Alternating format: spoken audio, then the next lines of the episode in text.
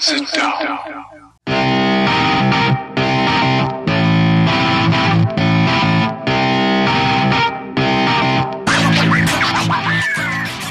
Witam każdego z osobna i wszystkich. To jest kochana NBA, najbardziej nieobiektywny podcast o najlepszej koszykarskiej lidze świata, a ja jestem Robert Kochan.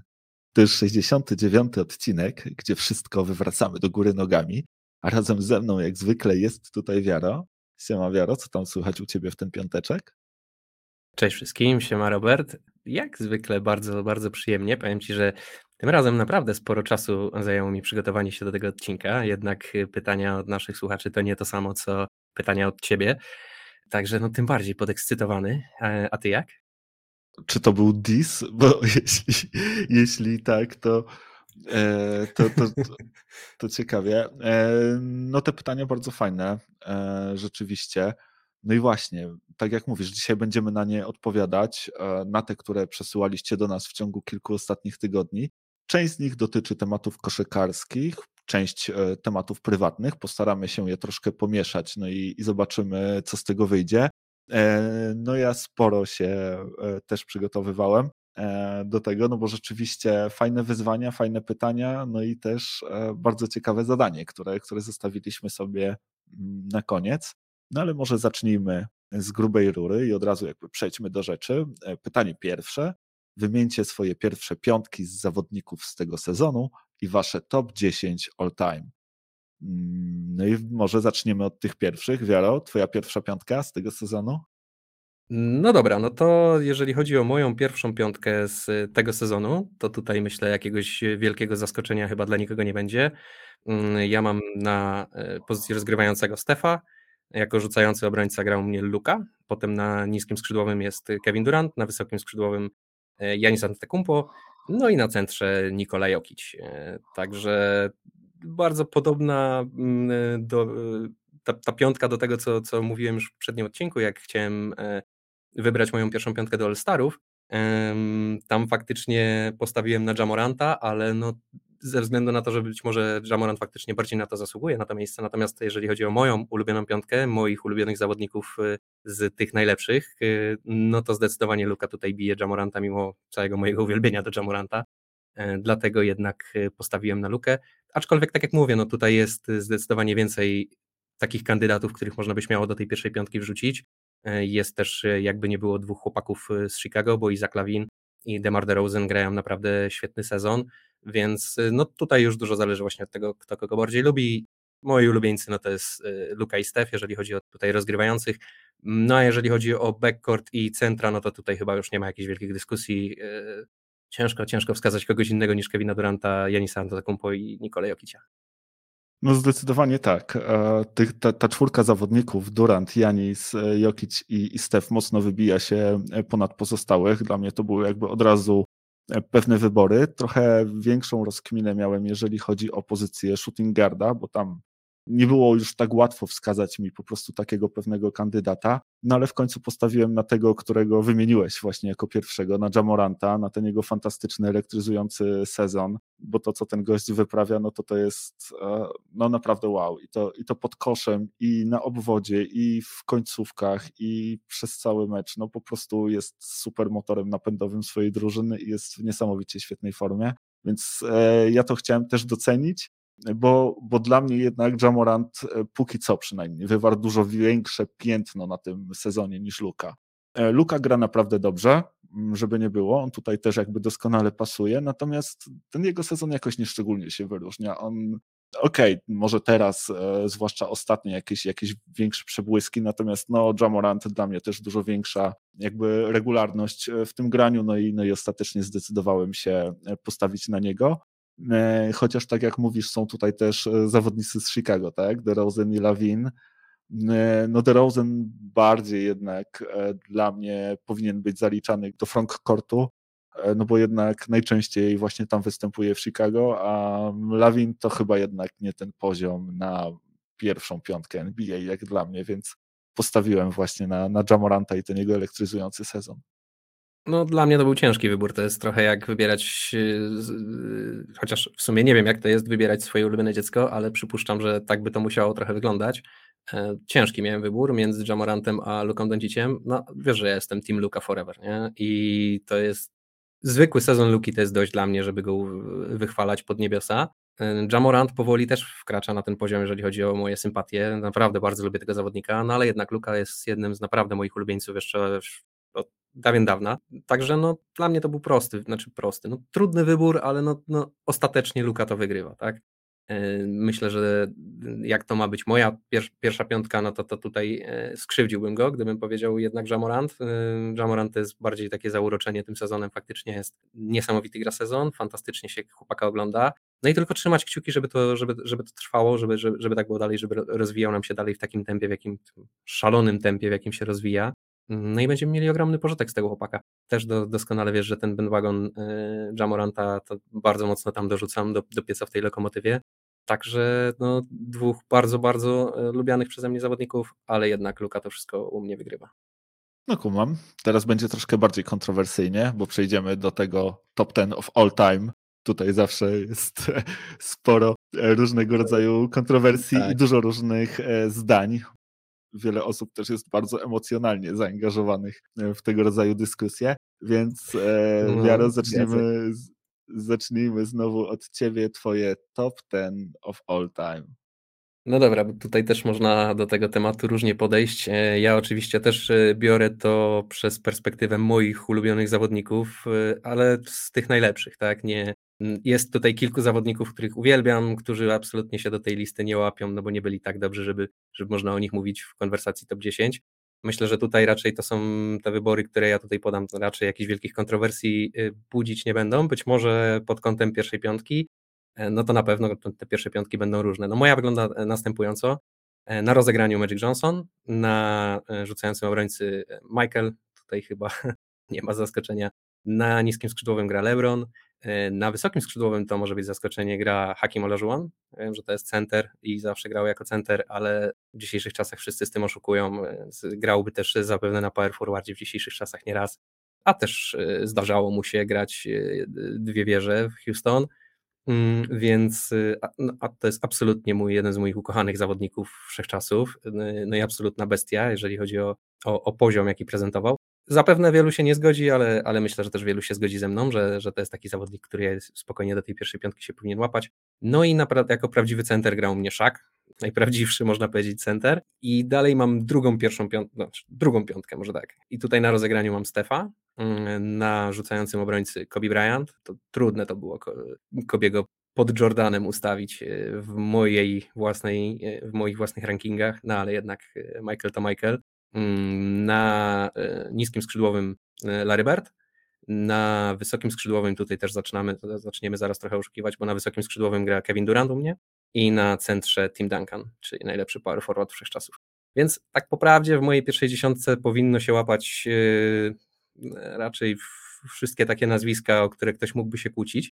No ale ja sobie to tak poukładałem i, i, i tak bym to widział. Tak jak mówię, tutaj moje sympatie też miały na pewno duży udział w tym, jak to sobie wszystko dobierałem. No zdecydowanie tak powinno być. W końcu to najbardziej nieobiektywny podcast e, o najlepszej koszykarskiej lidze świata, więc e, nie, nie ukrywamy tego, że, że jednak patrzymy na koszykówkę A, naszymi własnymi e, oczami. Słuchaj, parę ciekawych nazwisk. Ogromna większość nam się pokrywa, tak mi się wydaje. Natomiast ja to mam zupełnie inaczej poukładane i zamierzam twoje własne słowa też przeciwko tobie wykorzystać. E, więc, e, więc uważaj. Natomiast e, ciekawe nazwisko Steph. Steph puka do drzwi top 10 of all time. E, zdecydowanie jak najbardziej. Ty go bardzo szybko wymieniłeś. Chyba pozycjami szedłeś, tak? Nie, nie jakby kolejnością no, wyboru już potem. Dwie piątki sobie wybrałem, tak? Mhm. Więc y, y, tier pierwszy, tier drugi. Tylko taka u mnie selekcja była. No, ja, ja, wybrałem pierwszą piątkę, a potem gdzieś tam układałem już, e, raczej starałem się w kolejności jakiejś tam przynajmniej swojej ich, ich poukładać. No i słuchaj, jeżeli chodzi o moją e, pierwszą piątkę, to na point guardzie, na rozegraniu LeBron James. Ja śmiem twierdzić, że LeBron James to jest taki trochę lepszy Magic Johnson, bo to jest, jeżeli mhm. oskarżysz mnie o oszustwo, to, nie, nie. to... Kupuję to. Kupuję obaj to. chyba 6-9 są. Czy, Kupuję to czy, od razu. E, więc, e, więc uważam, że jednak LeBron James jest odrobinę lepszy od, od Magica, tak? I, I zasługuje na miejsce w pierwszej piątce. na shooting guardzie Kobe Bryant, a to tylko dlatego, że Michaela można przesunąć na small forwarda i umieścić ich razem, bo, bo jeżeli umieszczasz Michaela Jordana w składzie, to nie możesz nie umieścić Kobiego. To jest klon, to jest, to jest remix, tak? To jest, to jest cień. Nie, nie, nie można oderwać za bardzo Majka, od jego cienia, no a Kobi jak dla mnie w mojej e, pierwszej piątce all time po prostu musiał się znaleźć. Zresztą od niego zacząłem układać składu. E, więc, e, więc zdecydowanie tak. No i właśnie, power forward, sam powiedziałeś, jest jeden najlepszy power forward wszechczasów, Tim Duncan, tak? On się musiał absolutnie w tym składzie pierwszym znaleźć. To jest gość, który jak tylko pojawił się w lidze, jako ten numer pierwszy w drafcie, zresztą wygrywając e, po drodze na tych szczeblach niższych absolutnie wszystko we wszystkich kategoriach, przyszedł do ligi, no i od razu jakby odcisnął na nie piętno, w zasadzie no od samego początku, tak? On stanowił siłę przez całą swoją karierę. To jest gość, który 15 razy był do All-NBA wybierany, jeśli się nie mylę, z tego 10 razy do pierwszej drużyny. Chyba nawet tyle samo do, e, do All Defensive i, i też e, jakby z przewagą pierwszego wyboru. Więc e, no, pięć mistrzostw, absolutnie fantastyczny zawodnik, no jak dla mnie, tak jak mówisz, najlepszy power forward wszechczasów. No i na centrze ja jednak postawiłem na, na kogoś innego, na gościa który wydaje mi się wywarł na koszykówce nawet jeszcze większe piętno niż e, Shaq. E, chodzi mi tutaj o Billa Russella, e, jego 11 pierścieni, ale też jakby cała jego postawa, to jakim potrafił być liderem, w jakich czasach, jak ile dał też tej koszykówce, no właśnie, Bill Russell dla mnie w tej pierwszej piątce zdecydowanie się znajduje, chociaż wiem też, że trudno jest porównywać tak, te ery i nie da się tego do końca zrobić. No, nie wystawisz szaka na Billa Russella, nawet jeśli to zrobisz, no to no właśnie, inne, inne trochę czasy, nie? Zresztą e, Russell też mocno, mocno zyskiwał w grze zespołowej. No ale tak kształtuje się moja pierwsza piątka. No jeżeli chodzi o rezerwy, no to musiałem e, zacząć, e, bo tutaj też mam jakby duet.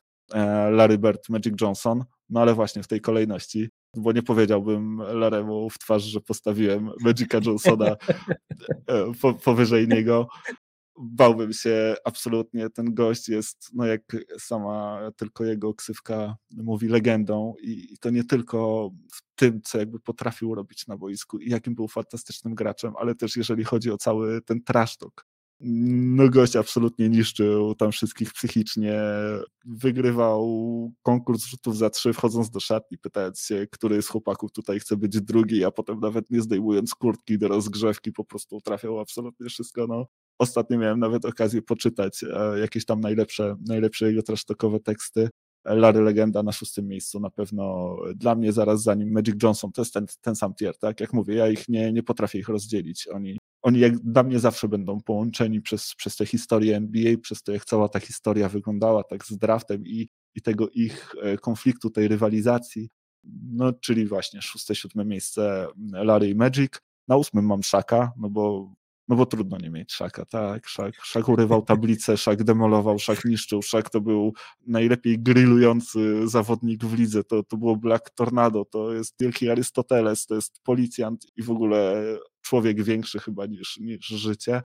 Szkoda, że Szak nie miał lepszej etyki pracy, bo gdyby Szak miał lepszą etykę pracy i był bardziej skupiony na swoim rzemiośle jeszcze, to myślę, że spokojnie mógłby być tutaj gdzieś wymieniany w, tej, w tych rozmowach o najlepszym zawodniku wszechczasów. E, no ale właśnie, no, taki był, za to też go kochaliśmy. No i wydaje mi się, że to ósme miejsce też w pełni zasłużone dla niego. Na dziewiątym mam Karima i dziwię się, że, że tutaj jakby nie doceniłeś tego zawodnika, że uważasz, że Durant jest e, lepszy e, od Karima. Ja tak nie uważam. Myślę, że mu brakuje też trochę, jeżeli chodzi o dokonania w lidze, tak? jeżeli chodzi o osiągnięcia. E, Karim to też jest super legenda, nie zapominajmy o tym. No i na, właśnie na dziesiątym miejscu e, Steph Curry jako jeden no, z niewielu zawodników e, tej generacji, którego już, że tak powiem, za tego koszykarskiego życia myślę możemy śmiało wstawiać właśnie do tej pierwszej dziesiątki. Co myślisz o mojej? No, słuchaj, ciężko się kłócić, bo tak jak mówię, to jest bardzo co jest więcej warte, tak? 11 pierścieni, czy nie wiem, cztery tytuły strzeleckie. No ciężko, ciężko bardzo te, te, te, wszystkie rzeczy porównywać. Gdyby to była takie, taka prosta, jasna sprawa, nie wiem, kto więcej wygrał, kto więcej punktów rzucił, to byśmy sobie po prostu zajrzeli w statystyki i mieli jasność. E, no ale właśnie, no tutaj jest istotne, co jest dla kogo ważne. Ja ci powiem tak, ja dość świadomie zrezygnowałem mm, z koszykówki, której nie widziałem i której nie znam, czyli właśnie z Wilta, z Karima, którego mm, jedyne co, co, co ja widziałem Karima to są, to są jakieś powtórki jego mm, jeszcze z jego czasów z Magiciem Johnsonem właśnie, tak naprawdę początki kariery Magica. E, więc ciężko mi się wypowiadać. No owszem, statystyki i, i wygrane, i legendy, i historia, to mówi samo za siebie, ale mm, ja jakby nie pod tym kątem patrzyłem też na ten ranking, tak? To ma być mój top, y, ten, top ten all time, e, więc ja patrzyłem na tych zawodników, których, których ja jakby doceniam też za ich granie i Kevin Durant to jest dla mnie takie zło konieczne na tej liście, bo ja jak większość z Was i Ty yy, bardzo dobrze to akurat wiesz, ja nie jestem jego fanem, ja nie, nie przepadam za Kevinem Durantem jako osobą, yy, natomiast uwielbiam Kevina Duranta jako koszykarza. Po prostu uwielbiam to, co on robi. No, on gość umie wszystko i robi to na tak, z taką łatwością. Yy, to jest y, Tracy McGrady na sterydach, tak? To jest y, jeszcze lepsza wersja tego, co, co, co kiedyś prezentował T-Mac. Mm, dla mnie y, Kevin Durant jest zawodnikiem kompletnym i, i myślę, że właśnie jak się zastanawiałem nad zawodnikami z tej generacji, czyli właśnie LeBron James, Steph Curry i, i Kevin Durant, zastanawiałem się, czy wszyscy trzej na to zasługują. Mm, no i myślę, że ciężko, mimo wszystko ciężko Snake'owi tego odmówić. Nie? Mm, dlatego u mnie na tej liście się znalazł. Y, zapewne gdybyśmy, gdybym patrzył pod, pod kątem też y, dokonań historycznych, no to by się nie zmieścił najzwyczajniej w świecie, no bo tutaj jakby nie było ciężko nie docenić najlepszego strzelca w historii NBA, którym był Karim, tak? E, no ale tak jak mówię, to jest y, moje top 10, ja nie widziałem tych czasów, ja ledwo pamiętam, ledwo, ledwo mogę powiedzieć, że widziałem to, co się działo w, w momencie, kiedy była rywalizacja pomiędzy Magiciem i Larrym Birdem. To już nie jest mi obce te, i od tych czasów już wiem, jak koszykówka wyglądała y, i potrafię gdzieś tam sobie tych, tych, tych zawodników w mojej własnej głowie poukładać. Nie wiem, jak dobry był Karim, nie wiem, jak dobry by był w dzisiejszych czasach. Wiem jedynie, jakie statystyki powykręcał, ile się nawygrywał, tak samo jak e, Bill Russell, tak?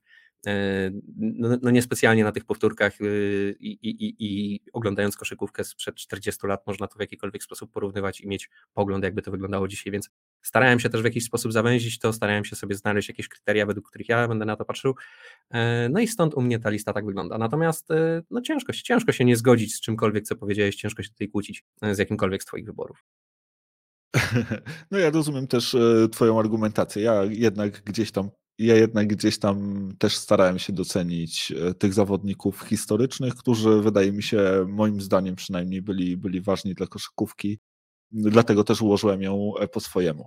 Słuchaj, przejdźmy do pytania drugiego w takim razie. A brzmi ono, kiedy pojawiła się zajawka na NBA i dlaczego kibicujecie właśnie odpowiednio LA Clippers i Denver Nuggets? No i może znowu zaczniesz, Wiaro. To jest bardzo przyjemne pytanie. E, cieszę się, że ono padło, bo to są śmieszne historie tak naprawdę. Więc e, ja oczywiście opowiem swoją e, stronę. No, moja zajawka na NBA sięga lat 90., gdzieś pierwsze, pierwsze tak naprawdę zajawki, no to, to były czasy Chicago Bulls i, i tego, co robił Michael. No ale to jeszcze za dzieciaka, bo ja jakby nie było w tamtych czasach, no to byłem tam nastolatkiem ledwie, tak? E, więc y, to takie dziecięce zafascynowanie było, mm, a później już y, dość świadomie mm, zacząłem mniej więcej od, od, od lat 2000 kibicować e, lidze. I już y, będąc tak naprawdę na studiach, będąc w Krakowie, zastanawiałem się, no, że, że wypadałoby w końcu, interesuję się ligą, śledzę to, co się tam dzieje, oglądam mecze, wypadałoby zacząć komuś kibicować, tak? Miałem, taką, miałem taki problem, no i miałem taką rozkminę z moimi, z moimi ziomkami, jednym z nich oczywiście był tutaj Robert. No i kiedyś siedzieliśmy sobie z Robertem u mnie, dyskutowaliśmy właśnie o, o zespołach, no i szukając po prostu ciekawostek najróżniejszych e, na temat różnych drużyn NBA, kiedy wybierałem sobie, można powiedzieć, moją ulubioną drużynę, tak się złożyło, że trafiliśmy na Denver Nuggets. E, no i okazało się, że Denver Nuggets grają w hali, która wtedy jeszcze nazywała się Pepsi Center. Mm, a tak się składa, że e, u mnie w domu Pepsi była e, normalnością, zawsze stała butelka Pepsi koło mojego biurka. E, no i moi ziomkowie, generalnie moi znajomi zawsze się ze mnie zbijali z tego, z tego tytułu. No więc Robert jak to zobaczył, no to po prostu wybuchł śmiechem, no i wiedzieliśmy, że to jest, to jest moja drużyna. Później się jeszcze okazało, że to jest górska drużyna, że to są tak naprawdę górale NBA, co też gdzieś tam bardzo mi odpowiada, bo ja jestem też z, z, z górskich terenów, bardzo góry są mi bliskie. E, także no, wszystko się tak jakoś poskładało, e, ale e, cała historia i, i całe moje mm, zafascynowanie Denver Nuggets wzięło się tak naprawdę od hali Pepsi Center z tego prostego, śmiesznego tak naprawdę powodu. No, tak jak mówisz, ta twoja historia też jest gdzieś połączona z moją, tak? Zwłaszcza w tych latach już dwutysięcznych. Mm, no bo ta pierwsza część historii, ona jest wspólna pewnie dla bardzo, bardzo wielu z nas, tych przynajmniej z naszego pokolenia, no bo właśnie te mecze na dwójce, kiedy dwójka puszczała retransmisję meczów, Michael Jordan za swoich najlepszych lat, tak, wygrywający pierścienie, ta koszykówka, która staje się globalna. No i właśnie ja też jako dzieciak gdzieś tam siadający przed telewizorem i wpatrujący się otwartymi szeroko oczami na świat, który no, nie był mi jakby do tej pory wcześniej znany, więc wtedy o NBA się zaczęło dużo mówić, wszyscy gdzieś tam e, próbowali nagrywać mecze, tak? Odtwarzaliśmy je potem, jak ktoś miał jakąś, nie wiem, czapeczkę z logo Charlotte Hornets i w ogóle to był wielki szpan w szkole, więc takie właśnie czasy i początki. W międzyczasie też w 96 roku do ligi dołączył Kobe, tak? To jest też gracz, któremu ja towarzyszyłem od samego początku w tej jego rookie karierze, bo on mi bardzo imponował. Ja wtedy byłem mega młodym gościem, a tutaj e, właśnie taki sam, no już starszy, ale, ale też ciągle młodzieniaszek e, wchodzi do ligi, no i zdobywają szturmem, po prostu skacze jak, e, jak, no jak Jordan, tak, ale jest na razie zupełnie jeszcze inny i bardziej szalony w tym wszystkim, no i super mi to imponowało, właśnie to, to, to jego szaleństwo, ta jego skoczność, to jak wygrywał konkurs wsadów, tak, właśnie takie, takie, takie rzeczy gdzieś tam mnie mega jarały, no i właśnie tak, z tą ligą trochę zostałem. Potem nasze drogi się rozeszły. No i rzeczywiście tutaj w Krakowie, kiedy, kiedy na studiach się poznaliśmy, jakoś e, do tej NBA chyba wróciliśmy bardziej e, razem. No i był ten właśnie etap e, wybierania zespołów, kiedy no, u ciebie przeznaczenie gdzieś tam z tym Pepsi zadecydowało. Ja się rzeczywiście starałem wybierać, bo dla mnie to jest zawsze taki no, dosyć niewygodny proces, bo to jest jednak związanie się z kimś po wszechczasy, taki, taki mały ślub, więc starałem się wybrać jak najlepiej, a ja nie lubię wybierać faworytów. Ja nie cierpię jakby dołączać do tych najbardziej popularnych i najlepszych drużyn to nie jest dla mnie. Chyba mam w sobie coś z cierpiętnika i, i lubię jednak e, kibicować underdogom, tak? I drużynom, które potrafią też przełamać swoją niemoc i dopiero wejść na szczyt. E, no właśnie, to jest, to jest gdzieś tam moja droga, więc e, zacząłem sobie szukać e, takiej franczyzy, w którą po prostu nikt nie wierzy, w którą każdy zwątpił i która jest e, do niczego, a przynajmniej tak się wydaje. No i tak się napatoczyli Clippers, którzy E, których kibice jeszcze kilka lat wcześniej trafili na okładkę Sports Illustrated z torbami papierowymi na głowach, kiedy zasłaniali twarze ze wstydu. Drużyna z fatalnym właścicielem, e, najgorsza franczyza ever, jak e, było właśnie pisane w mediach. No i wydawał się to być idealny kandydat do tego, żeby zacząć im kibicować, e, a dodatkowym atutem, jaki mieli, był Baron Davis, bo po prostu zakochałem się w tym gościu i w jego grze, e, w jego jakby zabawnym też podejściu do koszykówki, e, ale też tym, co potrafi, jak skakał, te, te jego paczki właśnie pomimo małego wzrostu, te jego takie no bardzo widowiskowe też podania, to, to, to mi się bardzo podobało i pomogło mi jakby znaleźć sobie taki haczek, tak, który gdzieś tam w tych Clippers mnie utrzymał. No właśnie, y, gdzieś tam w trakcie tego procesu zakochiwania się okazało się, że już wtedy moi Clippers zwerbowali w drafcie w sumie chwilę wcześniej, bo przed sezonem zawodnika z pierwszego numeru e, w drafcie, e, Blake'a Griffina, e, który no, mówiło się, że jest super talentem, no i wystarczyła chwila i Blake dołączył do zespołu i, i miałem już jakby jeszcze więcej dodatkowej frajdy z tego, żeby, żeby tym młodym e, klipsom kibicować. No pamiętam to jakby to było dziś, powiem ci te, jak, jak ty opowiadasz. No tak, w ogóle zabawne też to jest, że jakoś dobrze się potoczyły losy tych drużyn, którym zaczęliśmy kibicować. E, w tamtych czasach e, nic raczej na to nie wskazywało. Denver było absolutnym średniaczkiem, który nic nigdy nie ugrał a Clipsi byli przegrywami wszechczasów, nie? więc y, absolutnie nic się nie zapowiadało, żeby tam miały się jakiekolwiek rzeczy zmienić na lepsze, a zobacz, jak to daleko zaszło tak naprawdę. No i też, o czym już wspominaliśmy, też jest to zabawne, że tak jak sobie wybraliśmy, można powiedzieć razem, siedząc, wybieraliśmy te drużyny i, i, i gdzieś już sama, sam ten aspekt wybierania, komu będziemy kibicować, gdzieś, gdzieś nas łączył tak, tak te ścieżki tych naszych drużyn się bez przerwy przeplatają. Nie? Albo gramy ze sobą w playoffach, albo zajmujemy miejsca obok siebie. E, jesteśmy dobrzy w tym samym momencie, jesteśmy źli w tym samym momencie. E, nawet nasze gwiazdy są kontuzjowane w tym samym momencie ostatnio. Także e, fajne, bardzo ciekawe te nasze przygody NBA. Słuchaj, nie jest niczym trudnym bycie złym w tym samym momencie co Clippers, bo wystarczyło być chociażby przez chwilę złym i byłeś zły w tym samym momencie co oni, bo oni konsekwentnie byli źli. Y, no ja z tą franczyzą przeżyłem absolutnie chyba wszystko już przez te, przez te czasy. Zobaczyłem najgorszą porażkę w historii franczyzy, y, zobaczyłem y, historyczne finały konferencji. No historyczne zobaczymy. 3-1?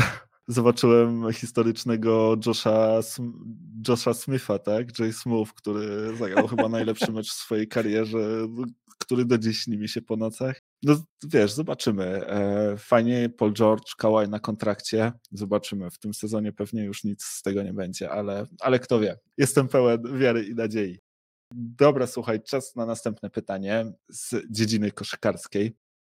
Czy Miśki załapią się do drugiej rundy playoff? No i rozumiem tu, że chodzi tutaj o Memphis Grizzlies. Załapią się do drugiej rundy playoff? A i widzisz, to, to akurat jest kompletnie nie, nieproste pytanie. Tutaj bardzo dużo zależy od różnych czynników.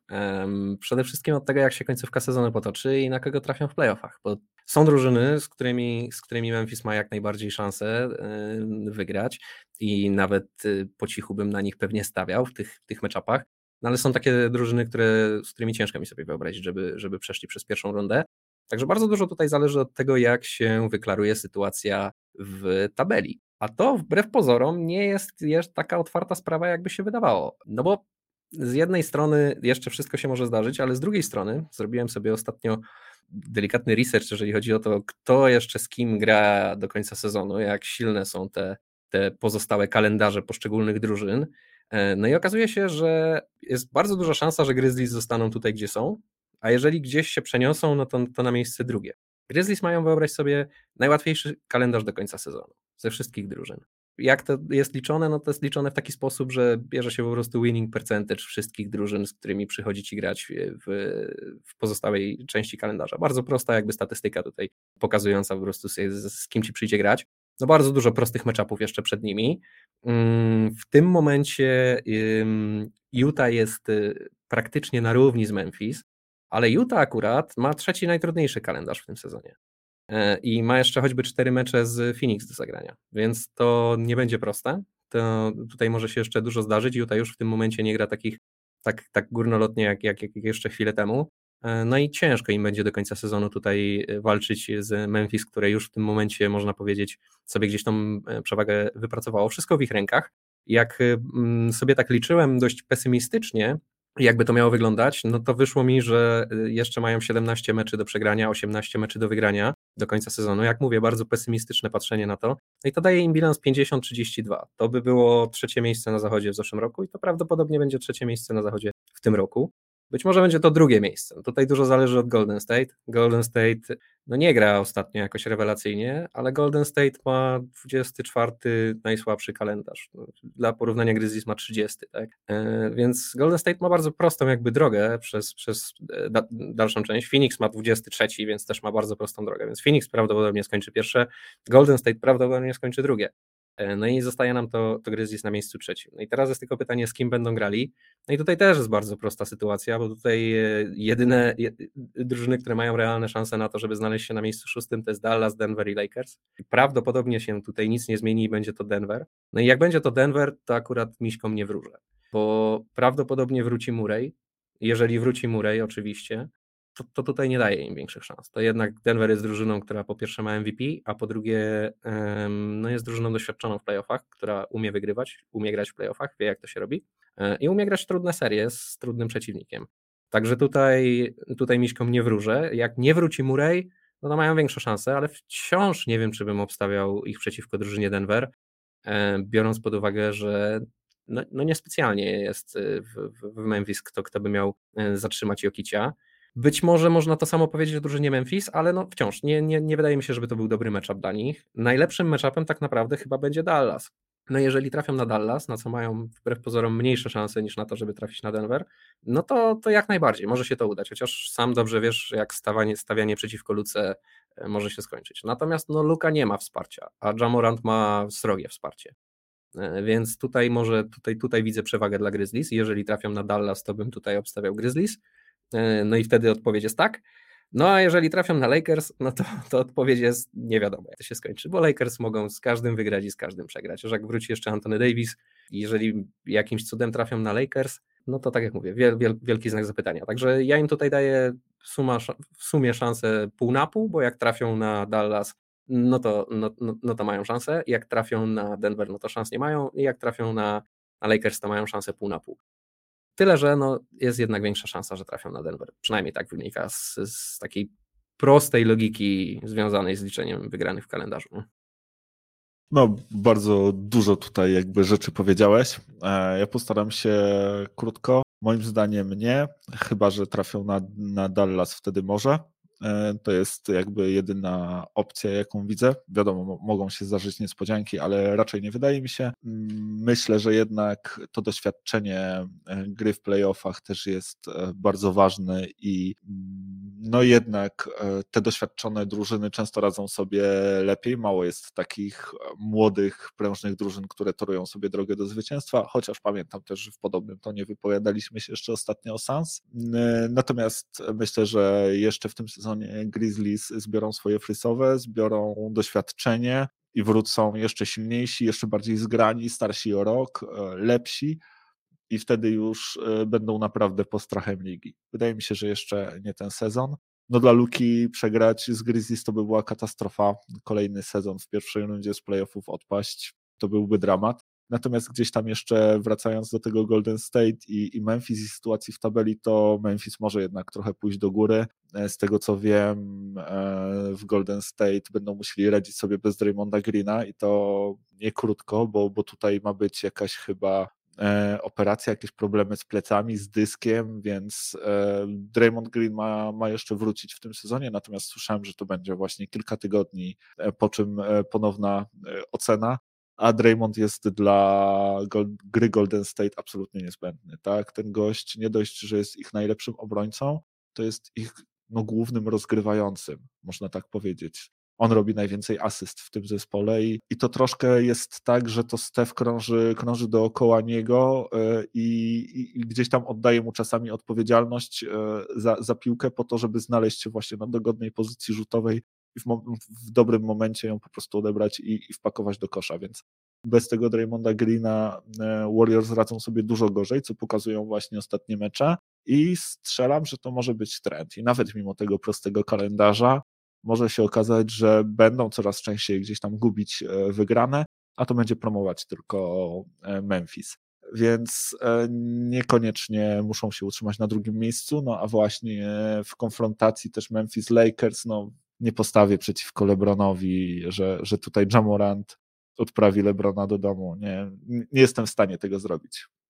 No, jak najbardziej zrozumiałe argumenty tutaj, wiesz, no, tak jak mówisz, ciężko stawiać przeciwko Lebronowi, ciężko stawiać przeciwko Luce, e, ciężko stawiać przeciwko Jokiciowi. No ale jednak Memphis gra świetnie. Memphis gra bardzo dobrą koszykówkę, wygrywają mecze, wygrywają mecze z trudnymi zespołami, mm, z dobrymi zespołami. E, więc y, ja bym ich nie skreślał. To jest jakby nie było pytanie o drugą rundę. Jeżeli chodzi o finały konferencji, no to tak jak mówisz, to jest jeszcze za wcześnie na pewno dla, tej drużyny. E, no chyba, że się zdarzy taki faktycznie kopciuszek y, z nich będzie jak, jak z Phoenix w zeszłym roku, ale to się zdarza rzadko, więc na to bym raczej nie liczył i tego bym nie obstawiał. Ale druga runda, druga runda jest w zasięgu.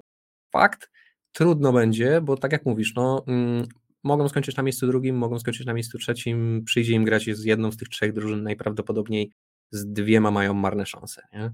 E, ale jak się dobrze im to wszystko poukłada i jeszcze by się okazało, że Dallas faktycznie pomijając lukę, lukę e, to, to nie ma specjalnie kim grać, e, no to jak najbardziej widzę Miśki w drugiej rundzie. Dobrze, w takim razie przejdźmy do kolejnego pytania. Jakiego rodzaju muzyki słuchacie? O, to można powiedzieć temat rzeka, więc y, ja powiem krótko wszelkiej. E, ja jestem akurat y, mocno z muzyką związany przez całe moje życie. Zacząłem tak naprawdę gdzieś moją historię od y, takich bardzo spokojnych rzeczy, gdzieś, które moi rodzice mi podrzucali pokroju nie wiem, Beatlesów czy Dire Straits. E, później była absolutna mania, jeżeli chodzi o rapsy. E, strzygłem się na łyso, chodziłem w szerokich spodniach, byłem ziomeczkiem spod bloku. Później gdzieś to wszystko się zaczęło mieszać e, z jakimiś cięższymi brzmieniami. Zacząłem hardcore'u słuchać, zacząłem słuchać metalu, później się potoczyła cała moja przygoda z, z muzyką w Krakowie. Także y, temat rzeka, suma summarum słucham muzyki wszelkiej, ostatnio raczej spokojniejszej, sporo popu słucham, sporo muzyki progresywnej, ale tak naprawdę jak żadną dobrą nutą nie pogardzę. No, u mnie podobnie. Ja się staram raczej dopasowywać muzykę do klimatu, który akurat mam. Jeżeli mam ochotę, nie wiem, na, na coś bardziej rozrywkowego, to właśnie coś takiego staram się znaleźć. Jeżeli mam bardziej chilloutowy klimat w danym momencie, to też właśnie dopasowuję do tego muzykę, więc tutaj przekrój jest wszelaki może bez jakichś takich e, szczególnie radykalnych e, pozycji. Natomiast no też nie ukrywam, że duża część mojej duszy jest hip-hopowo-regowa. E, mocno i długo gdzieś tam w tych rejonach podróżowałem, no ale właśnie, staram się, staram się nie zamykać, staram się słuchać. Natomiast nie jest to, tak jak w Twoim przypadku, Wiaro, aż tak istotna i ważna dla mnie rzecz i część mojego życia. No tak, nie każdy jakby nie było spędził 10 lat swojego życia grając w jakiejś kapeli. E, ja akurat miałem tą przyjemność, e, więc dla mnie to jest, muzyka zawsze była ogromnie ważną częścią mojego, mojego życia, można powiedzieć na równi ze sportem są dwie ogromne moje pasje mojego życia. Także no tak, ja bym mógł godzinami tutaj e, o muzyce dyskutować, także może nie przedłużajmy, bo to nie ma co się zamykać, jeżeli chodzi o muzykę. Wszelka dobra, dobrą muzykę można znaleźć w wszelkich gatunkach. Zgadzam się i zgadzam się też z tym, żebyśmy nie przedłużali. Zresztą wydaje mi się, że troszkę e, chyba musimy przyspieszyć, jeżeli chcemy na wszystkie te pytania odpowiedzieć. Więc przeskakujemy już do następnego. Jak dla Was na daną chwilę wyglądaliby Wasi laureaci nagród NBA? Dla kogo MVP, Rookie of the Year i tak dalej? Oraz oczywiście, kto zagra w finałach konferencji i do kogo powędrują pierścienie? I może jakiś zakładzik między Wami? E, o zakładzie, to, to, to pewnie pomyślimy, natomiast e, właśnie Wiara, porozmawiajmy sobie mm, najpierw szybko, myślę, że tutaj już raczej strzałami o tym, e, jak to się wszystko w tym sezonie naszym zdaniem skończy. No i właśnie, zaczniemy od mistrza. Um, no to ja typuję Milwaukee Bucks w tym roku. Myślę, że będzie powtórka. Myślę, że Janis drugi raz z rzędu korona mistrza. No to dokładnie tak samo jak ja. Też typuję Milwaukee Bucks. E, Milwaukee Bucks, jak gra ich wielka trójka, są w tym sezonie 17-3. Wydaje mi się, że na playoffy, jeżeli wszyscy będą zdrowi, to, to ciągle Milwaukee. Mm, no jeśli oczywiście e, cała trójka Brooklyn Nets nie będzie w pełni zdrowa i sprawna i gotowa do gry w każdym meczu, to, to właśnie Bucks są głównym e, faworytem do mistrzostwa. Z kim w finale Bucks zagrają twoim zdaniem? E, ja widzę tutaj Golden State. Myślę, że nie ma co stawiać przeciwko tak doświadczonej w playoffach drużynie, która prawdopodobnie na playoffy będzie cała zdrowa. No ja tutaj widzę Phoenix Suns. Myślę, że będziemy mieć powtórkę z poprzedniego roku. Suns pokazują, że są chyba no, najlepszą drużyną teraz e, w NBA, przynajmniej jeżeli chodzi o ten bilans wygranych i przegranych, natomiast e, grają też fantastycznie jako drużyna. Świetnie rozgrywają te końcówki. Wydaje mi się, że oni w playoffach będą E, diabelnie groźni. Bardzo podoba mi się to, co Monty Williams robi z tą drużyną i wydaje mi się, że oni mogą wrócić do finałów, ale to też motywuje tym, że boję się, że Draymond Green nie będzie jednak do końca zdrowy. I tylko dlatego tutaj skreślam e, troszkę Warriors jeżeli chodzi przynajmniej o, o ten finał NBA, no bo jednak e, jeżeli Draymond Green będzie zdrowy i Clay jeszcze się rozegra trochę i, i dorzuci coś do tego swojego pieca, no to wydaje mi się, że, że wtedy Warriors też są mocniejsi niż Suns. E, słuchaj, no to może jeszcze szybko finały konferencji.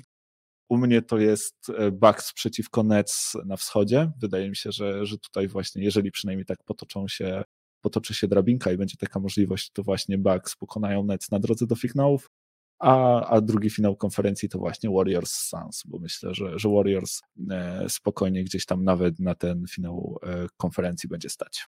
No, tutaj bez niespodzianek zgadzamy się w 100%. Ja mam dokładnie takie same finały konferencji. Jedynie z czym się różnimy, widzę to tutaj, kto wychodzi z zachodu. Mm, dobrze, no to w takim razie pogadajmy o MVP. Tu się chyba nie będziemy różnić. E, ja ostatecznie po gdzieś tam małych rozterkach postawiłem na Jokicia. Zastanawiałem się jeszcze nad Janisem, natomiast Joker moim zdaniem mega, mega, mega sezon.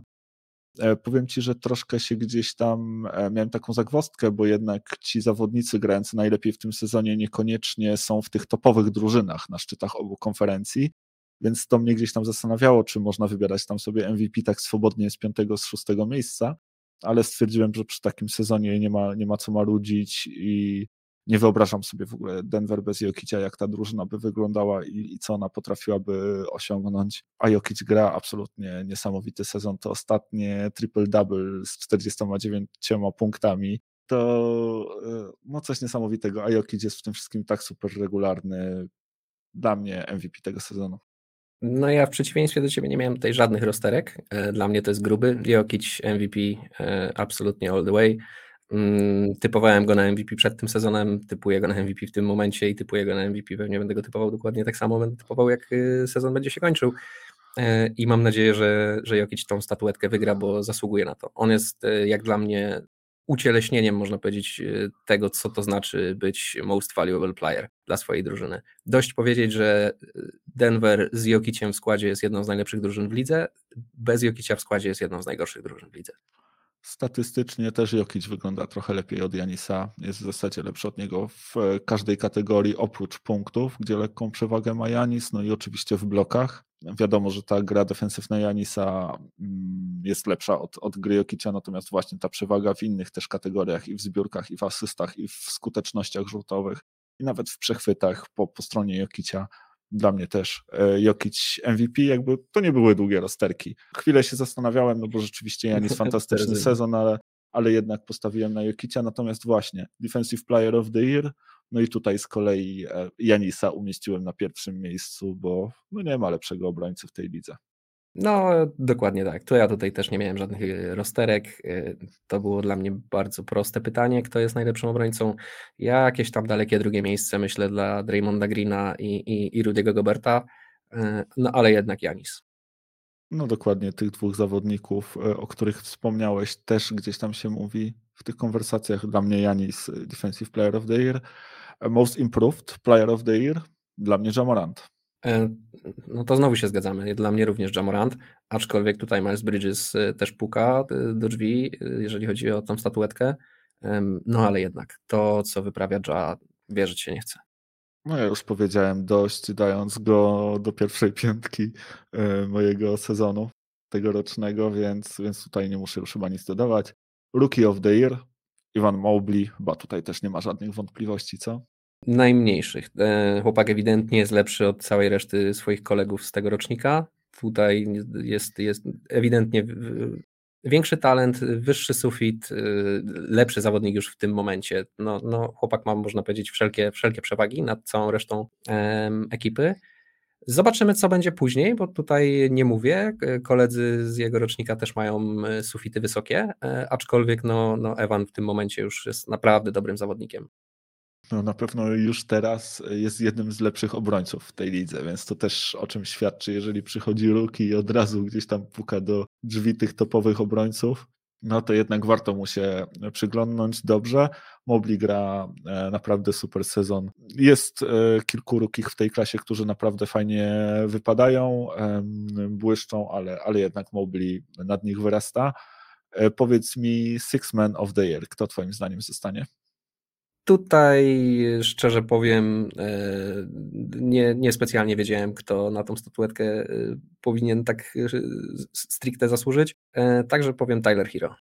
No to widzisz, dokładnie tak samo jak ja sobie zapisałem, też, też na Tylera Hero tutaj stawiam. Nie mieliśmy w planach rozmowy o najlepszych coachach, ale ja tutaj jakby chciałbym przy okazji docenić parę osób za to, co dokonały w tym, w, tych, w tym sezonie. Na pewno tutaj jakby mm, duże słowa uznania dla trenera Spo e, z Miami Heat. E, oczywiście Monty Williams za to, że przewodzi najlepszej drużynie w lidze w tym momencie, jeżeli chodzi o bilans. Taylor Jenkins, oczywiście Memphis Grizzlies świetnie grają w tym sezonie, też już o tym rozmawialiśmy. No i JB Bickerstaff z Cleveland Cavaliers też robią świetną robotę, więc wydaje mi się, że któryś z tych panów zgarnie statuetkę najlepszego coacha. Ja bym pewnie stawiał na, na Montiego Williamsa. No i zapewne Monty Williams to, to wygra. E, faktycznie tutaj nie planowaliśmy tej rozmowy, ale e, tak jak mówisz, e, no jest kilku coachów, którzy robią naprawdę dobrą robotę i fajnie by było tutaj o nich wspomnieć. Dobra, czas na następne pytanie. Tutaj pewnie krótko będzie. Czy bawicie się w obstawianie NBA u buków? E, tak, tu będzie krótko. No ja się nie bawię. E, ciągnie mnie do tego, planuję, gdzieś myślę o tym, ale nie robię tego, jakby nie było, więc e, no nie. Mm, ja też, ja też się w to nie bawię. Zresztą ja jestem absolutnym chyba przeciwieństwem typa hazardzisty. Bardzo nie umiem w hazard, nie lubię tych e, emocji, nie czuję się z tym dobrze, więc e, nie obstawiam. Raczej kiedyś coś tam dawno, dawno temu e, próbowałem, ale bez jakby większych rezultatów i tylko i wyłącznie na, na groszowe sprawy, więc ale i tak to szybko zostawiłem, więc nie. Dobra, kolejne pytanie. Czy mieliście okazję oglądać mecz NBA na żywo z trybun, albo może z jakąś europejską drużyną? Czy zainteresowanie dotyczy tylko NBA, czy może też NCAA, Euroligi, e, naszej ligi, ewentualnie reprezentacji? No to tutaj tak. Jeżeli chodzi o mecz na żywo, ja niestety nie miałem jeszcze okazji meczu na żywo NBA obejrzeć ani z europejską drużyną, ani z jakąkolwiek drużyną w NBA. E, ale mam absolutnie jak najbardziej w planach e, taką wycieczkę. E, mam nadzieję, że będę, będę w stanie ją w niedługim czasie zrealizować w, najbliższych latach. Ale tak, no super by było pojechać na mecz NBA. Bardzo bym chciał taki mecz obejrzeć z trybun na żywo. Mm, także to na pewno. A jeżeli chodzi o zainteresowanie, u mnie to jest praktycznie stricte NBA. Można powiedzieć, że oprócz tego jeszcze reprezentacja, której oczywiście kibicuję. E, i której też e, jak mam okazję, to, to rzucę okiem na mecz, e, ale nie jestem jakoś wielce zafascynowany ani, ani, ani ligą uniwersytecką, ani tak naprawdę Euroligą czy, czy innymi ligami. NBA to jest moje, jak się to mówi, bread and butter, tym, tym, tym żyję i oddycham. Natomiast gdzieś NBA też rzuca mm, moje zainteresowanie na, na inne ligi amerykańskie.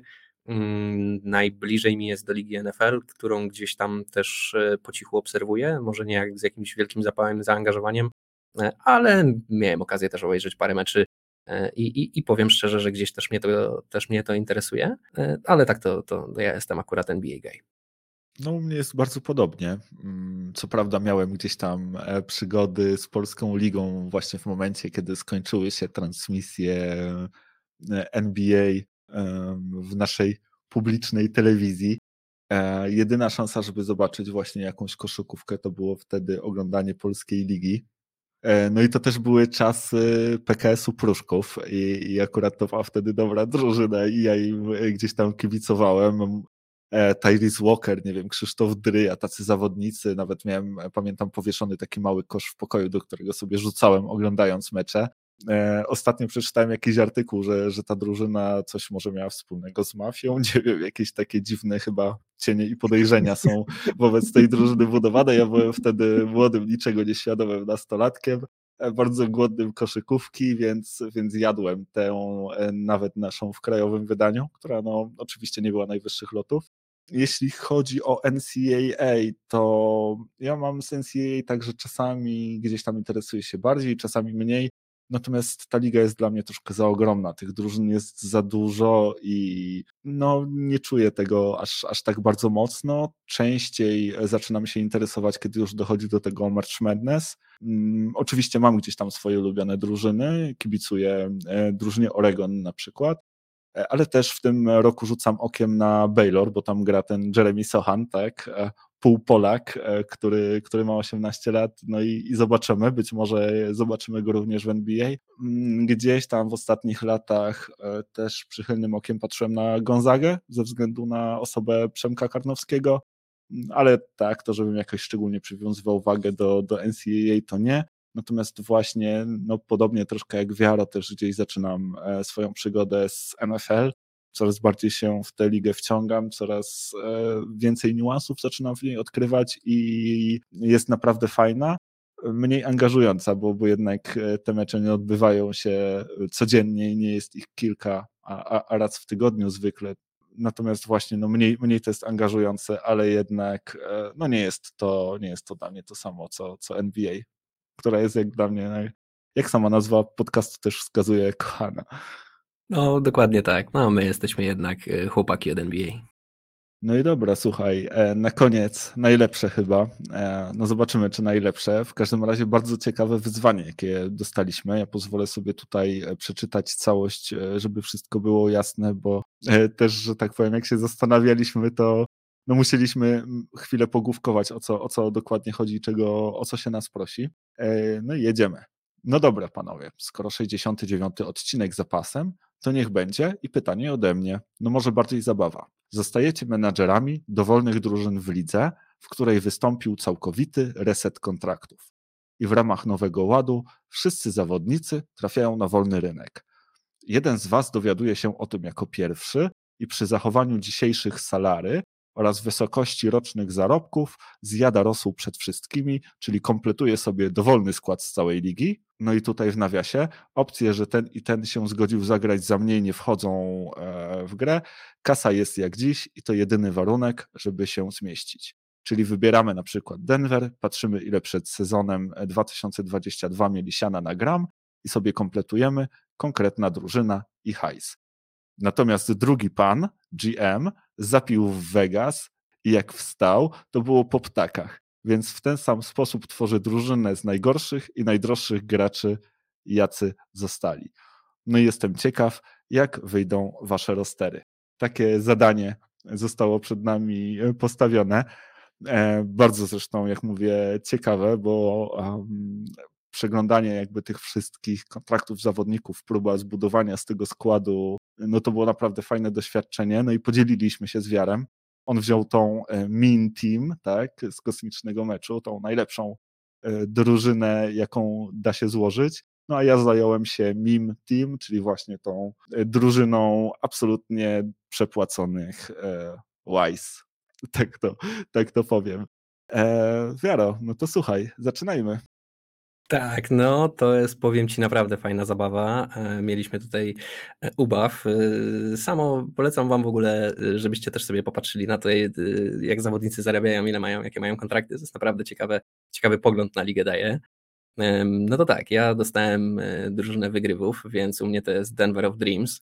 Denver w tym sezonie, o ile dobrze rozumiem, no salary cap mieliśmy 120, 112 milionów w tym sezonie, aczkolwiek y, samo Denver wydawało na swoich zawodników 135 baniek, 636 526 dolarów. E, no więc skoro tyle mieli siana na gram, jak to e, się mówi, mm, no to z tego, z tego budujemy, tak? E, ja przyjąłem, że to jest mój limit, w którym muszę się zmieścić. No i takich też zawodników wybierałem. E, już tutaj nie będę przytaczał wszelkich statystyk i innych tego typu rzeczy, bo ja mam takie nazwiska, że myślę, że tutaj same nazwiska będą mówiły za siebie, e, aczkolwiek przytoczę kwoty kontraktów, które, które moja e, drużyna zarabia. No I powiem Ci tak, być może można to założyć lepiej. Ja bym tą drużynę brał w ciemno. Pierwsza piątka moja wygląda następująco. Luka Doncic, Jamorant, Nikola Jokic, Zach Lavin i Janis Antetokounmpo. I to wszystko jest 109 baniek, z czego Luka zarabia 10 milionów. Jamoran zarabia 9 milionów. E, no powiem ci, że, że trochę oszalałem, jak zobaczyłem te kwoty. Tacy zawodnicy za takie pieniądze. Uuu. E, ale sam nawet Nikola Jokic, który zarabia to jedyne 30 baniek, tak naprawdę jest prawie 20 chyba, czy 15 zawodników, którzy zarabiają więcej od niego. I są tam takie tuzy jak y, choćby Kevin Love, Także no naprawdę ciężko mi sobie wyobrazić, kto tej piątce miałby zagrozić. Mm, na skrzydłach Morant i Zaklawin, e, na rozegraniu Luka Doncic, pod koszem Nikola Jokic i Janis Antetokounmpo, który sieje w tym wszystkim jeszcze zamęt. No, no, masz wszystko, czego można by sobie e, zażyczyć od drużyny. Być może ktoś się przyczepi, że nie jest to jakaś najbardziej defensywna drużyna świata. Być może, aczkolwiek wydaje mi się, że bardzo ciężko byłoby z nimi wygrać. A to jeszcze nie wszystko, to jest dopiero pierwszy skład. E, no to teraz jedziemy, jeżeli chodzi o ławkę. E, postanowiliśmy, że tak standardowo dość wybierzemy sobie 12 zawodników, e, czyli 7 jeszcze zawodników ławkowych. żeby skompletować skład. I u mnie to wygląda tak. Shea Gilgis Alexander, Miles Bridges, Michael Porter Jr., Blake Griffin, Lou Dort, Desmond Bain i weteran trzymający całą tą ekipę w składzie Udonis Haslem. I cała ta ekipa kosztuje marne 134 miliony 408 tysięcy i 67 dolarów. I za taki hajs e, można mieć taką ekipę, taką pakę. E, to się wszystko mieści, jeszcze mi bańka tak naprawdę zostaje, można by e, chłopakom zasponsorować jakąś dobrą imprezę, bo byśmy się zmieścili spokojnie w limicie, jeszcze nam bańka zostaje. E, także biorąc pod uwagę to, co Denver ma, a co mogłoby mieć, no powiem Ci faktycznie Denver of my dreams. No słuchaj, to się, to się mieści w kapie, ale w głowie się nie mieści. Rzeczywiście dużo fajnych zawodników. Mm, ja zwłaszcza tutaj e, bardzo życzliwym okiem patrzę na te twoje rezerwy, bo, bo tutaj jest bardzo dużo właśnie takich zawodników, Sami których ja lubię, e, takich, których ja lubię i, i których cenię. Może ten Judonis Hazlem niekoniecznie, ale ten weteran z prezens rzeczywiście gdzieś tam na końcu ławki e, też jest bardzo ważny. No, za, za, za paczkę fistaszków, tak, za niewiele, e, jeżeli o tych warunkach NBA mówimy. Do tego pierwszego składu, no właśnie, tak jak mówisz, może można się przyczepić, jeżeli chodzi o defense, może też można się przyczepić, jeżeli chodzi o shooting, bo, bo tego shootingu tam aż tak dużo nie ma. Wydaje mi się, że może troszkę za dużo rozgrywających, ale, ale może właśnie w tym szaleństwie jest metoda, tak? Może granie z Jekiciem i taka koszykówka dzielenia się e, z takim składem zdałaby znakomicie egzamin, no i to byłaby drużyna, która by pewnie królowała do czasu, aż przyszłoby podpisywać te wielkie kontrakty i musiał być tym zawodnikom jednak e, zapłacić e, tyle, ile o, o im się należy mowy. za te umiejętności. Nie, nie, oczywiście, nie, nie. Jakby tak, tak, tak gdzieś tam wybiegając już myślami w przyszłość, nie? Bo, bo na ten moment tak zebrana ekipa, no to myślę, że rządziłaby w lidze i zamiatała po prostu absolutnie wszystkimi. No właśnie, y, ja się też nad tym zastanawiałem, czy to nie jest tak, że y, jedna piłka i zbyt dużo kucharek do tego wszystkiego. No ale z drugiej strony, z, zbyt wielu Twoich zawodników potrafi fantastycznie podawać. To jest tak trochę jakby się czepiać tego, że zbyt wielu moich zawodników potrafi fantastycznie grać w kosza albo nie wiem, fantastycznie rzucać. Ja myślę, że właśnie to jest, to jest, to jest podobnie jak z tym, jak się uważało, że y, jeden wysoki zawodnik powinien być w drużynie, a, a reszta tak naprawdę knypków, czy też powinni być gdzieś tam podzieleni wzrostem i pozycjami, a tak tak naprawdę okazuje się, że jak masz samych wielkoludów, którzy jeszcze wszystko potrafią, no to wygląda to wszystko jeszcze lepiej. Więc y, ja właśnie widzę w tym szaleństwie metodę. Wydaje mi się, że to mogłaby być jeszcze taka ukryta broń te, tego zespołu, że po prostu to dzielenie się piłką tutaj e, byłoby wspaniałe. A e, biorąc pod uwagę, że masz Zaka Lawina i Jamoranta na skrzydłach, wiesz, jak oni by tam latali, wiesz, jakie tam byłyby paczki, e, fantastycznie by się to też oglądało. Ale fakt faktem, mm, też przyznam, że największy ubaw miałem wybierając rezerwy mimo wszystko. Takich zawodników jak Shea Gilgisa Aleksandra, który zarabia 5 baniek, czy Milesa Bridgesa, który zarabia 5 baniek, e, czy, czy Ludorta, który nie zarabia nawet dwóch baniek, e, bańkę 800, no proszę Cię, to są zawodnicy za, za bezcen tak naprawdę, których, których można mieć ale też, e, tak jak wspomniałeś, sama zabawa daje fajny pogląd na ligę, e, choćby można z krzesła spać, jak się zobaczy, że Oklahoma City płaci za swój roster 46 milionów rocznie, gdzie Steph Curry zarabia 45 milionów rocznie. No, ja też zbaraniałem, jak zobaczyłem akurat tę statystykę, bo tam chyba drugi zespół to jest Detroit i to są kwoty już rzędu 113 milionów, więc ta przepaść jest absolutna. Oklahoma City za pół darmo po prostu prowadzi tą drużynę po kolejne piki w drafcie. No, wydaje mi się, że świetnie ja, robią ja biznesy. To na, to, na, to może na to wygląda, zwłaszcza na tym małym rynku to pewnie nie jest łatwe. Zobaczymy, tak? Po owocach ich poznacie. Mm, dobra, słuchaj, czas na mnie. Ty powiedziałeś Denver of Your Dream. No to w takim razie dla mnie Los Angeles Slippers, bo właśnie drużynę Clippers sobie wybrałem, bo pomyślałem sobie, że to mógłby być taki, no właśnie, historyczny scenariusz, coś bardzo charakterystycznego dla tej drużyny, kiedy wydaje się, że wszystko jest już ułożone że drużyna zmierza w dobrą stronę, że, że mamy gdzieś tam tych zawodników takich, wokół których możemy się budować, nagle reset wszystkich kontraktów, trzeba sięgnąć po kogoś nowego. No i nie można tutaj tankować, bo nie mamy swoich pików, a zaspaliśmy, w ogóle popiliśmy w Vegas, tak? Więc znowu katastrofa się przydarza. No i trzeba coś zbudować. E, a że zostali tylko najgorsi i najdrożsi, no to właśnie z takich budujemy i, i ta moja tutaj drużyna memów e, opiera się właśnie na salary Los Angeles Clippers, które przed tym e, sezonem na jego początku wynosiło 168,5 miliona, więc bardzo dużo, bardzo dużo, bardzo dużo płacimy za ten skład, e, mimo właśnie braku Kawaja i, Paula George'a. E, natomiast no, najbogatszy właściciel z wszystkich, prawdopodobnie tak bogaty jak cała reszta razem wzięta, więc myślę, że go stać. No ale właśnie, ja tutaj ja tutaj nie ułatwię mu e, sprawy, wydam prawie każdy dolar e, z, tego, z tej puli, e, no bo jest na kogo, słuchaj.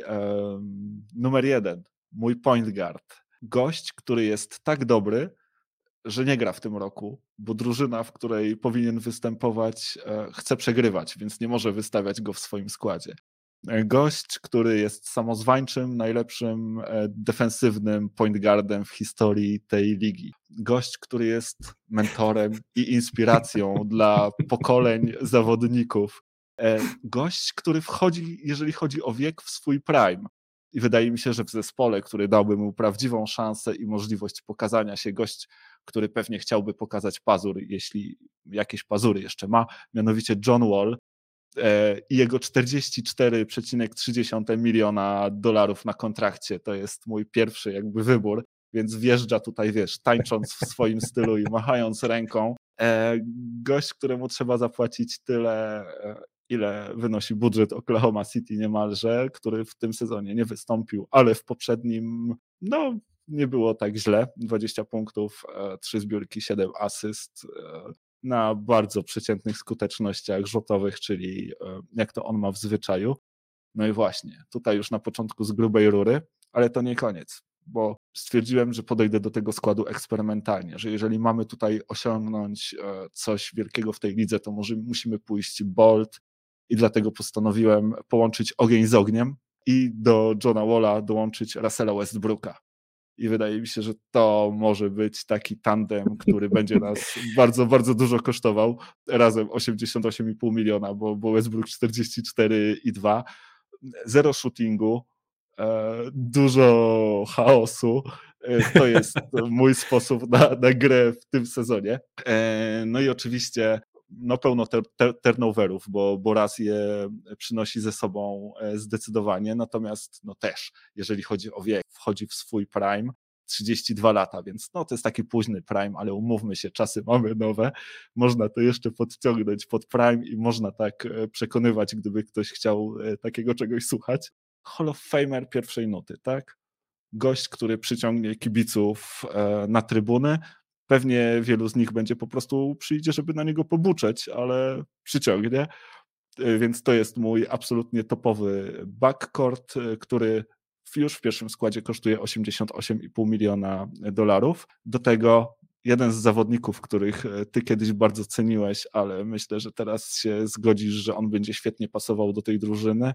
Na small forwardzie, zawodnik młody, perspektywiczny jeszcze, mając 27 lat, ale nieodmiennie bardzo drogi, bo kosztujący 20,5 miliona dolarów, Gary Harris, e, który świetnie z mhm. Orlando po prostu wpasuje do tej drużyny. 20-milionowy kontrakt i jeszcze to pół e, miliona do tego. I jakie fantastyczne numery. 11 punktów, dwie zbiórki, dwie asysty, jeden steal na mecz. I to wszystko na skuteczności 44% z pola i 35% za 3 idealnie wydane 20 baniek, po prostu Gary Harris musiał się znaleźć w mojej drużynie. No ale właśnie tutaj dużo doświadczenia jednak tego wchodzenia Prime się zrobiło. Trzeba postawić na kogoś młodego, na świeżą krew. Ale świeża krew nie może być tania, bo tania oznacza badziewna, więc idziemy grubo i tutaj e, drugi pik e, z draftu 2018 roku, Marvin Bagley trzeci jego 11-milionowy kontrakt, konkretnie 11,3 miliona. No i znowu, jaka produktywność? Niecałe 10 punktów, 7 zbiórek, pół asysty i 23% za 3. No to jest coś, czego po prostu szukam w swojej drużynie, no bo wiadomo, że jak masz Johna Walla i Rasa, no to chcesz ich otoczyć shootingiem. Więc takim też kluczem e, szedłem, jeżeli chodzi o e, moją drużynę. E, na power forwardzie właśnie Marvin Bagley, jeżeli chodzi o centra, no to wiadomo, potrzebny jest ktoś, kto będzie zbierał i najfajniej jakby był atletyczny, bo trzeba będzie przecież łapać loby od Rasa i Johna Walla. No i to był atletyczny, tak mi utkwiło w głowie, że stwierdziłem, że muszę tutaj postawić na DeAndre Jordana, bo on e, zdecydowanie był atletyczny. Też ma 3, 3, 33 lata też e, ma, więc ten e, najlepszy wiek podobno przed nim, ale pewnie już dawno za nim. No te jego numery absolutnie powalające, nie? 4, zbiór, 4 punkty, 5 zbiórek, pół asysty, skuteczność z rzutów wolnych wstała na jego poziomie. Ja tutaj też troszkę, muszę się przyznać, oszukałem w jego przypadku, bo w tym momencie e, DeAndre Jordan gra na minimum dla weterana, bodajże tam 2,5 miliona, natomiast no ja policzyłem mu jeszcze to, co wisi mu bodajże Detroit Pistons z tego buyoutu kontraktowego. On w sumie gdzieś tam zgarnia w tym sezonie 10 milionów, 9,9, no i ja tyle zdecydowałem się policzyć. No i właśnie ta moja pierwsza piątka razem, taka piękna, cudowna, kosztuje mnie bagatela 130 milionów dolarów i 100 tysięcy. E, no, ale jeszcze trochę zostało do wydania, więc e, ruszyłem dalej na zakupy. E, wspaniałym kluczem się moim sugerując. No i kolejny mój szósty zawodnik, Eric Bledsoe. Gość, którego po prostu jak oglądam na co dzień, zasłaniam oczy i krzyczę nie, nie, nie, za każdym razem, kiedy on próbuje rzucać. I kiedyś jeden z zawodników, których bardzo lubiłem, właśnie ten młodziutki w Clippersach, więc tutaj organizuję, mu wielki powrót z wielką pompą. No i właśnie biorę ten jego kontrakt warty 18,2 miliona e, i ten jego wiek 32 lata, popatrz jak tutaj wszyscy gdzieś tam w jednym czasie, tak, jest okienko na wygranie mistrzostwa. I się zgadza. Eric Bledsoe rzuca w tym sezonie 10 punktów, 3,5 zbiórki, robi 4 asysty, 32% za 3, jest absolutną łajzą w tej kasie i po prostu idealnie do tej mojej drużyny pasuje. Na miejscu siódmym e, kolejny były Clipper, e, który gdzieś tam krążył po lidze u nas, e, co prawda tylko przejazdem, ale Morris Harkless, gość, któremu nie powierzyłbyś niczego, nie dałbyś mu, nie wiem, podtrzymać twojej wody nawet na chwilę, bo pewnie coś by z nią zrobił niedobrego naprawdę taką łamagę obserwować na parkiecie nie zdarza się często. Zresztą ja mam takie wspomnienie z Morrisem Harklessem z Clippersów, jak trzeba było wypełnić jakąś taką ankietę do social mediów, gdzie gracze wpisywali swoje imię, jakiś tam pseudonim, no i właśnie ile lat są w lidze i robimy tak już od kilku sezonów. Morris Harkless był jedynym zawodnikiem, który pomylił się w swoim stażu w lidze, no i właśnie miał e, wynik przekreślony i obok napisane o prawidłowa E, prawidłowa liczba, więc to też w jakiś sposób o nim świadczy. E, no gość, który rzuca trójki na poziomie 27%, tak? A lubi sobie czasem rzucić, bo tak ma. No i jego kontrakt 4,3 miliona dolarów to jest grubo, grubo, grubo za dużo, patrząc na jego umiejętności i porównując to też na przykład do kontraktów zawodników, o których ty wspomniałeś, którzy są w twojej drużynie.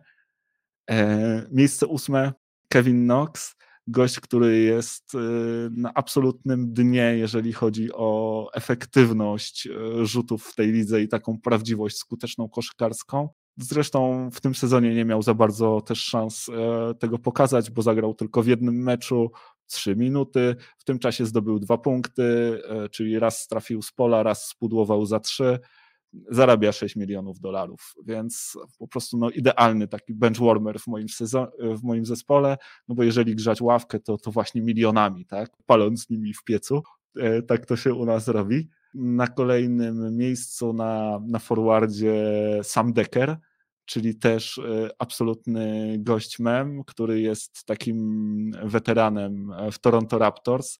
To jest gość, którego ja pamiętam z tego, jak kiedyś podczas fast breaka bodajże grając e, w Houston Rockets potknął się o parkiet i, i, i niemalże wybił sobie zęby, będąc sam na sam e, z koszem.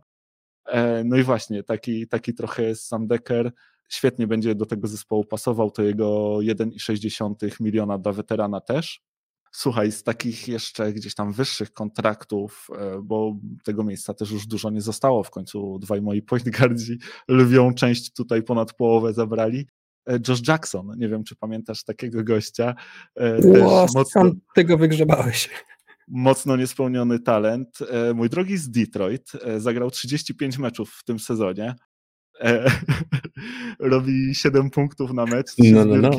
I asystę. Za 3 rzuca ze skutecznością 27%. no jest Joshem Jacksonem, starym, znanym nam dobrze Joshem Jacksonem, numerem czwartym w 2017 roku, jeżeli chodzi o pierwszą rundę draftu. 5 milionów kontraktu, no musiałem go gdzieś tam upchnąć. E, świetnie do tego mojego e, zespołu pasował. No i gdzieś tam na tych dwóch ostatnich miejscach to są już właśnie takie minimalne kontrakty, 1,8, 1,6 miliona i to jest Frank Nilikina i Jabari Parker. E, Frank, Frankie Smokes to jest właśnie jeden z tych, z tych gości, którzy też szorują dno, jeżeli chodzi o tą efektywność koszykarską w ofensywie. Bardzo, bardzo, bardzo słabo wypada. Dallas pewnie liczyli, że, że będzie się rozwijał, Nilikina stoi w miejscu, no Jabari Parker to też przecież e, kiedyś wydawało się super prospekt, tak? Skywalker, taką e, miał ksywę. W tym roku w Boston 12 meczów, 4 punkty, dwie zbiórki, pół asysty. No i właśnie kontrakt minimum dla weterana, także ostatecznie 168 milionów i 400 tysięcy o 100 tysięcy mniej niż e, wynosiła, e, wynosiła pula. E, jak Ci się podoba mój skład, Wiaro? No, rozrzutnie, powiem Ci. E, faktycznie skład, no ciężko, ciężko się tutaj do czegokolwiek przyczepić. Bardzo przemyślany. Widzę, że tutaj te, te, te elementy układanki idealnie do siebie pasują. Tworzy to jakiś taki faktycznie zgrany pomysł na to, jak Twoja koszykówka ma wyglądać, jakbyś chciał, żeby to, to wyglądało na boisku. Jedno, co mnie dziwi, to faktycznie nieobecność tutaj Kevina Lowa. Myślę, że on też by tutaj był takim no, solidnym członkiem do twojej drużyny. A drugie, co mnie tak trochę rozbawiło, to mam wrażenie, y, że u ciebie chyba Russell Westbrook jest najlepszym shooterem w tej, w tej drużynie, tak? No niewykluczone może być, e, no ale co w tym złego? No przecież e, nie, nie, nic, to, nic. To, to jest ważne dla, dla mojej drużyny właśnie, żeby tam za dużo tego shootingu nie było, zwłaszcza, że obaj point guardzi mocno tego wymagają, więc e, tak przynajmniej starałem się to wszystko poukładać, żeby to ze wszechmiar miało szans działać.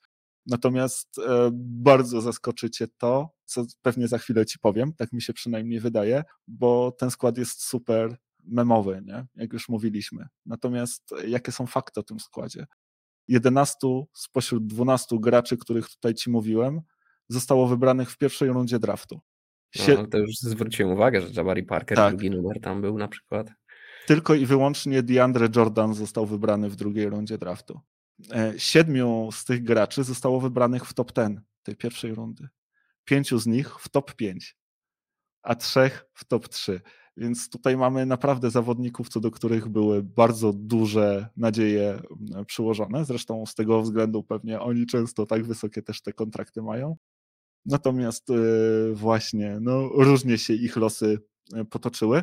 Y, wyciągnąłem też sobie średnią, taki mój średni zawodnik z mojego zespołu zarabia 14 milionów dolarów, no i robi średnio 8 punktów, 3 zbiórki i 2 asysty na skuteczności 46% z pola i 29% e, za 3.